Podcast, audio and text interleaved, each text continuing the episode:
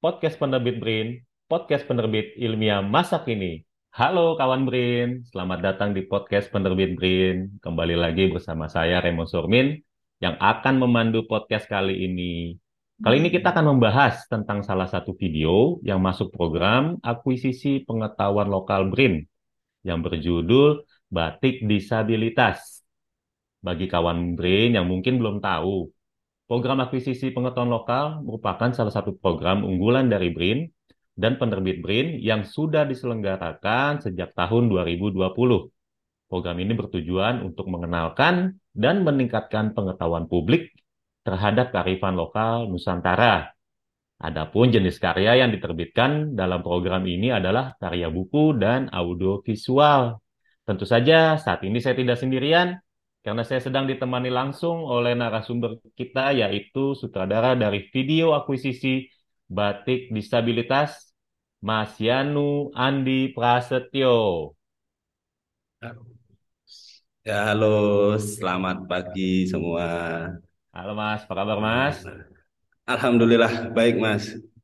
Wah, ini sebelum saya baca profil Mas Janu, boleh nih Mas Yanu perkenalkan diri nih ke teman-teman kawan Brin yang ada di rumah. Monggo Mas. Oke, uh, sebelumnya perkenalkan nama saya Yanu, uh, asli uh, lahir di Trenggalek, sekarang domisili juga di Trenggalek. Kebetulan di sini juga uh, menjadi sutradara di film dokumenter batik disabilitas.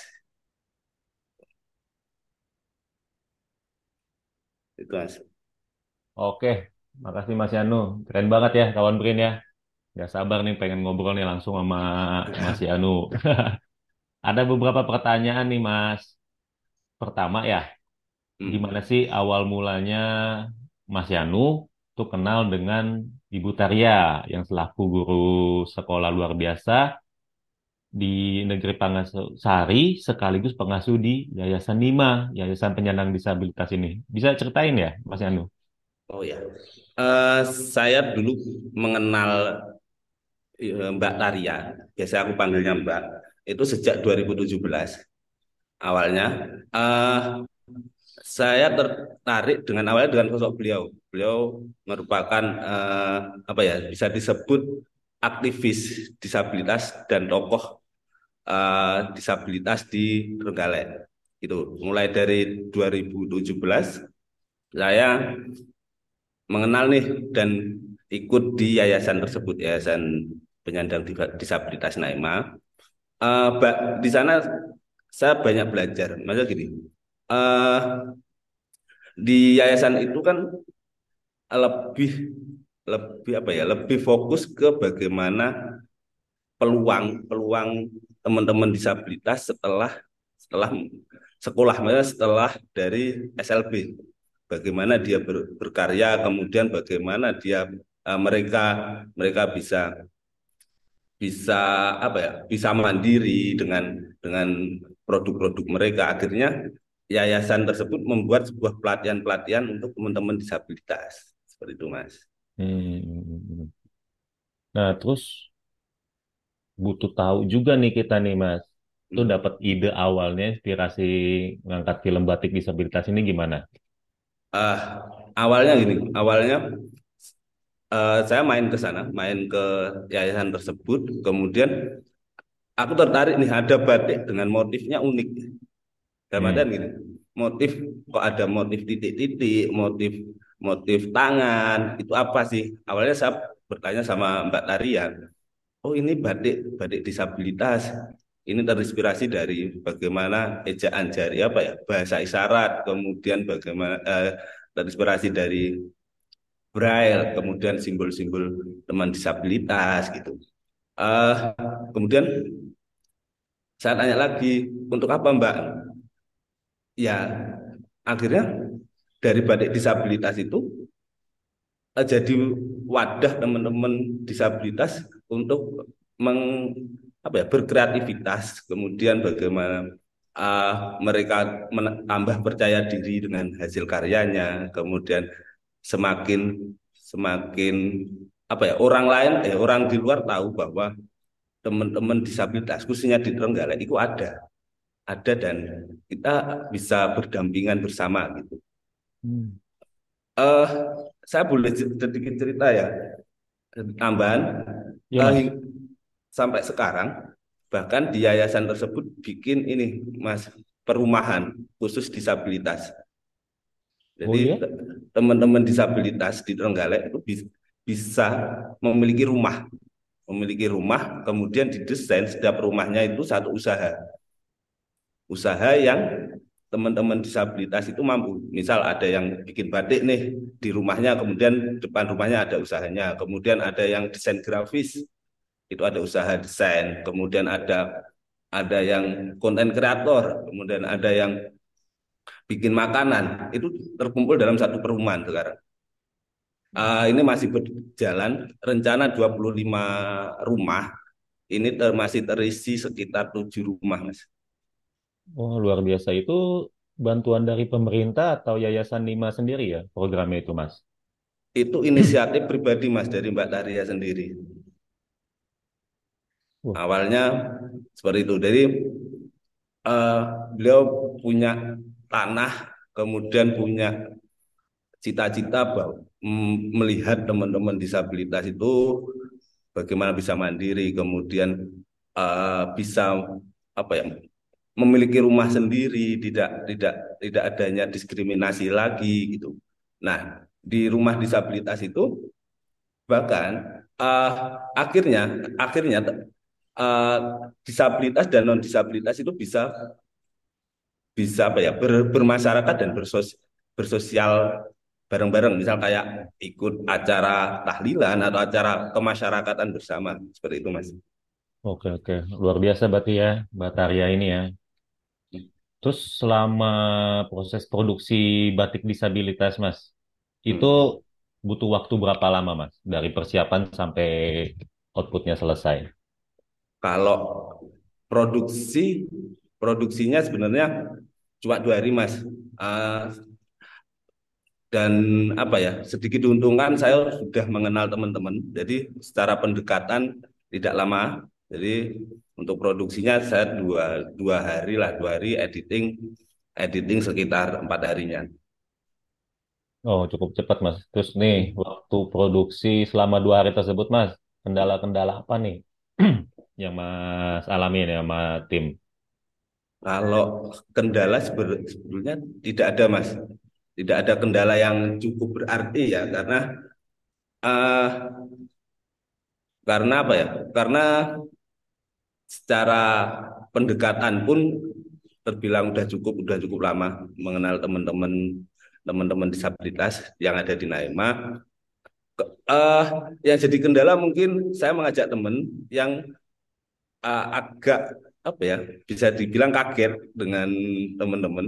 Karena karena beda beda dalamnya gini. Teman-teman disabilitas di Naima itu uh, mereka nggak mau dikasihani. Kan mungkin teman-teman ah, aku ngajak teman oh, iya.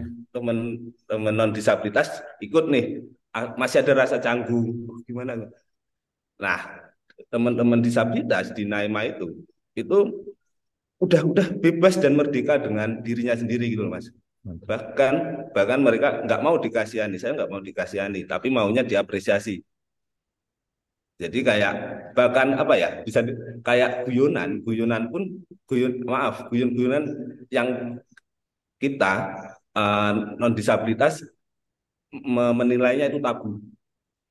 Hmm. Kayak kayak apa ya uh, guyon-guyonan fisik. Kemudian itu mereka menikmati dan mereka udah bebas bebas apa ya dan merdeka dengan itu semua gitu mas. Ya, bagus-bagus. Udah sampai ke tahap itu ya. Kalau berarti kendalanya minim, hal-hal menarik pasti banyak nih selama produksi, Mas. Ceritain dong. Banyak banget, Mas. Uh, aku banyak belajar dengan teman-teman, teman-teman disabilitas. Bahkan saya saya kan sering uh, ke sana nginep uh, bersama teman-teman disabilitas. Saya merasa saya ini kurang bersyukur apalagi gitu. Uh, teman-teman mereka bisa bisa berkarya, kemudian percaya diri, mandiri, kemudian uh, apa ya? Bahkan gini mas, banyak aku merasa saya aku malah bisa minoritas gitu loh. Aku yang yang mungkin maaf mungkin ap- kurang bersyukur dan sebagainya. Kemudian banyak pertanyaan-pertanyaan yang akhirnya kejawab. Misal bagaimana teman-teman tunanetra itu mimpi, bagaimana bagaimana teman-teman tunanetra itu bisa melihat apa ya, bisa men- mendeskripsikan sebuah bentuk. Jadi kayak apa ya? Kayak misal teman-teman tunanetra itu ngobrol nih, ngobrol saya saya ikut ngobrol, yang mereka obrolin adalah bahasa-bahasa visual untuk bentuk visual. Misal gini, eh, kemarin aku jalan-jalan nih ke mana gitu. Dia dia deskripsikan sebuah tempat tuh dengan visual. Oh dia sawahnya luas. Oh gini. Oh itu yang menjadi apa ya pengetahuan baru bagi aku dan dan aku jadi belajar banyak eh, teman-teman. Kemudian bagaimana eh, teman-teman tuna tunarungu bicara mereka lebih peka dengan dengan gestur, dengan hal-hal seperti itu, Mas. Banyak banget belajar dari teman-teman disabilitas di Naima. Iya, saya nonton berkali-kali juga eh, banyak ini ya, informasi dan pengetahuan ya buat kita sendiri yang notabene non disabilitas ya Mas ya. Mm. Tapi selama nonton filmnya Batik Disabilitas karya Mas Yuna ini, saya ngeliat tuh sebenarnya ada pesan-pesan khusus nih sebenarnya di balik film ini, kenapa judul ini yang diangkat. Pasti penonton yang lain pengen tahu. Boleh ceritain Mas? Oh ya, Mas. Eh, di situ ada ada gini, ada teman tunanetra ngomong "Eh, warnanya kok hitam semua. Dia nyeletuk seperti itu. gitu. Ah, hal-hal itu kan kita, oh iya ya. Jadi kayak apa ya? Menurut kita itu adalah sebuah hal yang, aduh kok kok kayak gini ya. Tapi mereka di teman-teman di sana udah, ya aku aku seperti ini loh. Udah apa ya? Udah bisa dikatakan merdeka dengan apa yang ada gitu. Itu kemudian eh, apa ya? Lebih ke ini lagi Mas, Eh, bagaimana Mbak Taria, Mbak Taria eh, me- mengasih kesempatan teman-teman disabilitas eh, untuk berkarya itu sih Mas. Pesan-pesan yang mungkin saya dapatkan dan karena tujuan tujuan tujuanku bikin itu bukan untuk ke mana-mana, aku hanya sekedar awalnya pengen mendokumentasikan apa yang ada di sana.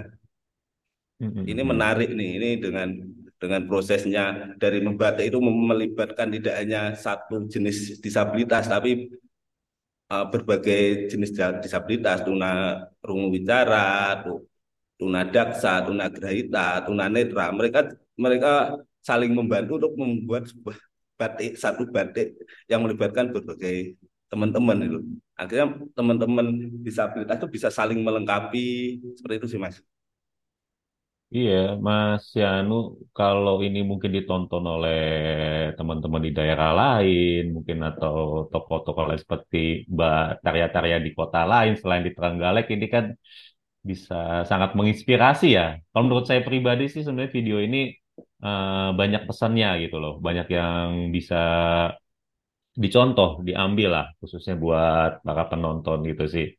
Keren-keren, Mas Yanu. Nah, kalau saat pembuatan ini berarti Mas Yanu udah tahu belum sebenarnya nih ada program akuisisi pengetahuan lokal dari BRIN Oh ya. hingga Mas mengirim karyanya nih ke kami nih.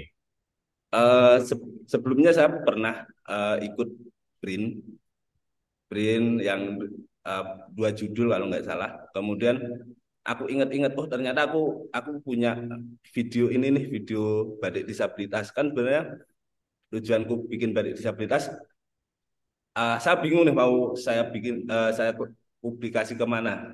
Itu udah udah aku bikin 2019, eh 2018 batik disabilitas ini, kalau nggak salah. Mm-mm.